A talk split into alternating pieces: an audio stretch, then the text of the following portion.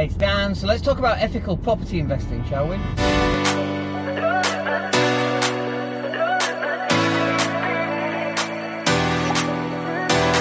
Hey guys, it's Dan. Hope you're well today. It is dark because we're on our way to CrossFit quite early. It's five to eight. Get there at eight. It's all good. Uh, but uh, we had something happen yesterday. It kind of annoyed me, and I just wanted to share it with you.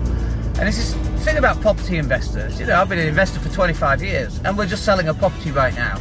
It's on offers over 160. We had a cash buyer coming at uh, 155, and it's like, yeah, go on, we'll do it. Go on um, completion in eight weeks, whereas normally it's taken about seven or eight months.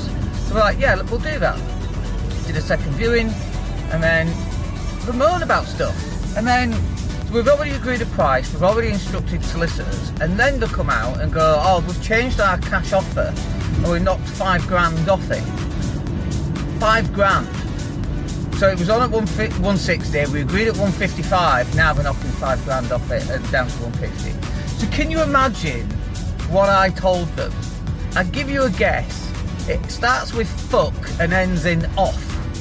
Like that is just unethical. It's just not how you do business. And I said to the estate agent, I said, you know what? If they come back at 155, decline it.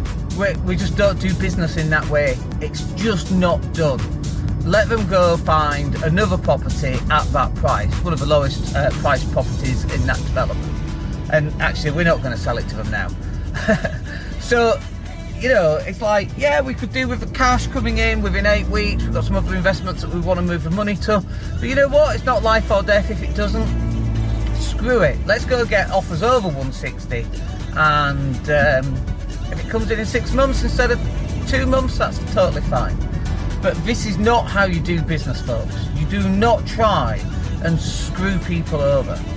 It's just unethical, it's immoral, and it's not the right way for you do business because your reputation is much more important than screwing somebody over over five grand. And not only that, they've now upset me. So it's like, ah, go fuck yourself. How about that? How about them apples? I'm, I'm not the right person to be doing this with because it really winds me up, as you can tell. And um, we've had this on a number of times, and you accept it because you know back then we needed the cash. Now we don't. We don't need the cash. So now it's like, well, go fuck yourself. What about that? Interesting, isn't it? Like your reputation is worth more than that five grand. And in 10 years' time, you're not going to remember the price that you paid. You're going to remember the property that you got and the fact that you did it in the right way. The fact that you didn't try to screw somebody over. Screwing people over, what what is that about? I just, I don't get it. I, have never got it. In 25 years of being an investor, we've always done the right thing. And you should always do the right thing. It's not about screwing people over. It's about doing the right thing, getting a property at the right price, and so on.